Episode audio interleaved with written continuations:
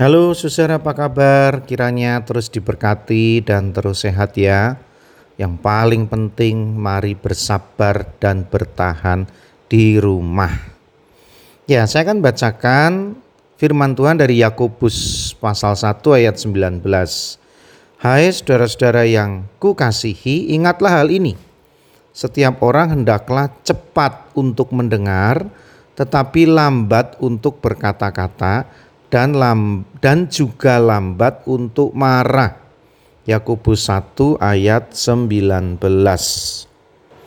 Apakah saudara masih mengikuti pertandingan-pertandingan olahraga di Olimpiade Jepang 2021 di mana Indonesia menurunkan beberapa atletnya dan beberapa trending topik menjadi pembahasan umum di medsos-medsos yang ada khususnya bulu tangkis ya karena ini yang menjadi harapan kita untuk mendapatkan emas.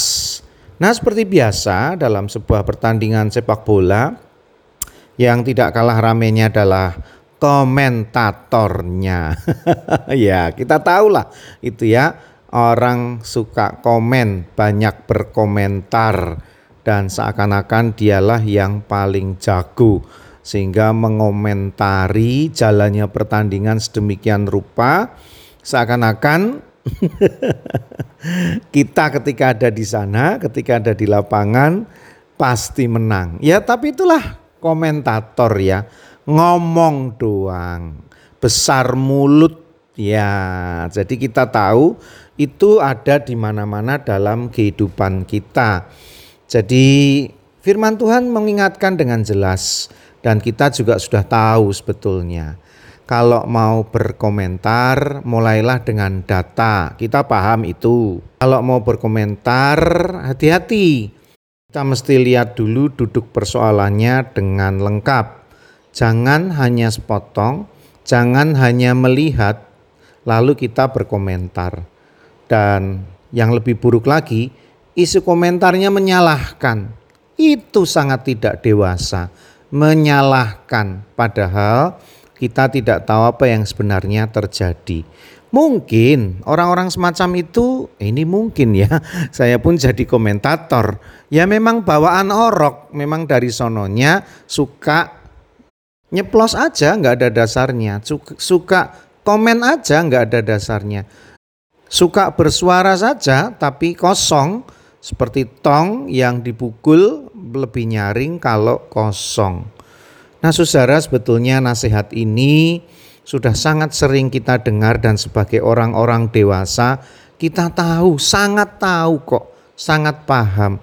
Hanya memang kita ini sering tergoda untuk berkomentar sampah, berkomentar hal-hal yang nggak berguna, berkomentar yang nggak ada data, berkomentar karena sok tahu kita, berkomentar sesuatu yang tidak melihat fakta situasinya.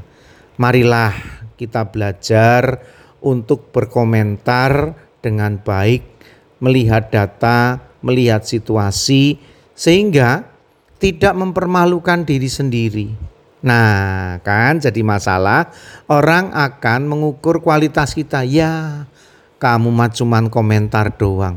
Ya, kamu mah sukanya ngomong doang. Udah ngomong doang, komentar doang, salah pula. Ah, malu ah. Mari kita menjadi orang yang lebih dewasa.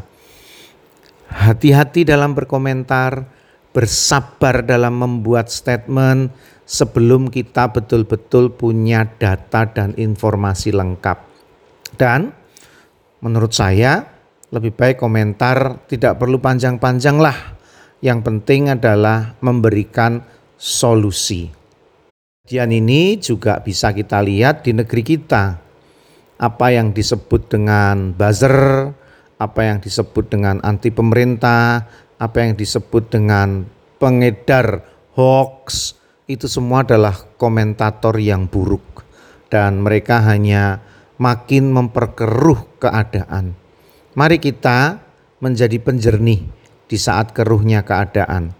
Mengurangi berkomentar yang negatif, menambahkan komentar yang positif, memberi semangat, dan sekali lagi, jadilah solusi. Kata Butejo, orang itu harus solutif. Mari merenungkannya. Saya ingin berdoa untuk saudara. Tuhan tambahkan hikmat kepada kami, agar kami yang bertambah dewasa, tidak saja dewasa umurnya, tapi juga dewasa dalam berhikmat. Dimulai dari hal-hal yang sederhana, entah lewat mulut kami atau lewat jari-jari tangan kami saat menulis di sosial media. Tuhan, jangan sampai kami menjadi penyesat dan menyebarkan hoax, tapi jadikan kami orang-orang yang pandai memberi solusi, memberi jalan keluar, tidak menambah keruhnya keadaan. Ampuni kami jika itu adalah diri kami. Tuhan tolong kami tambahkan hikmatmu di tengah suasana yang rumit ini. Inilah doa, harapan, dan permohonan kami di dalam nama Tuhan Yesus Kristus. Amin. Masih bersama dengan saya, saudara, Pendeta Yudi dalam Renungan Emas. Esok masih ada solusi.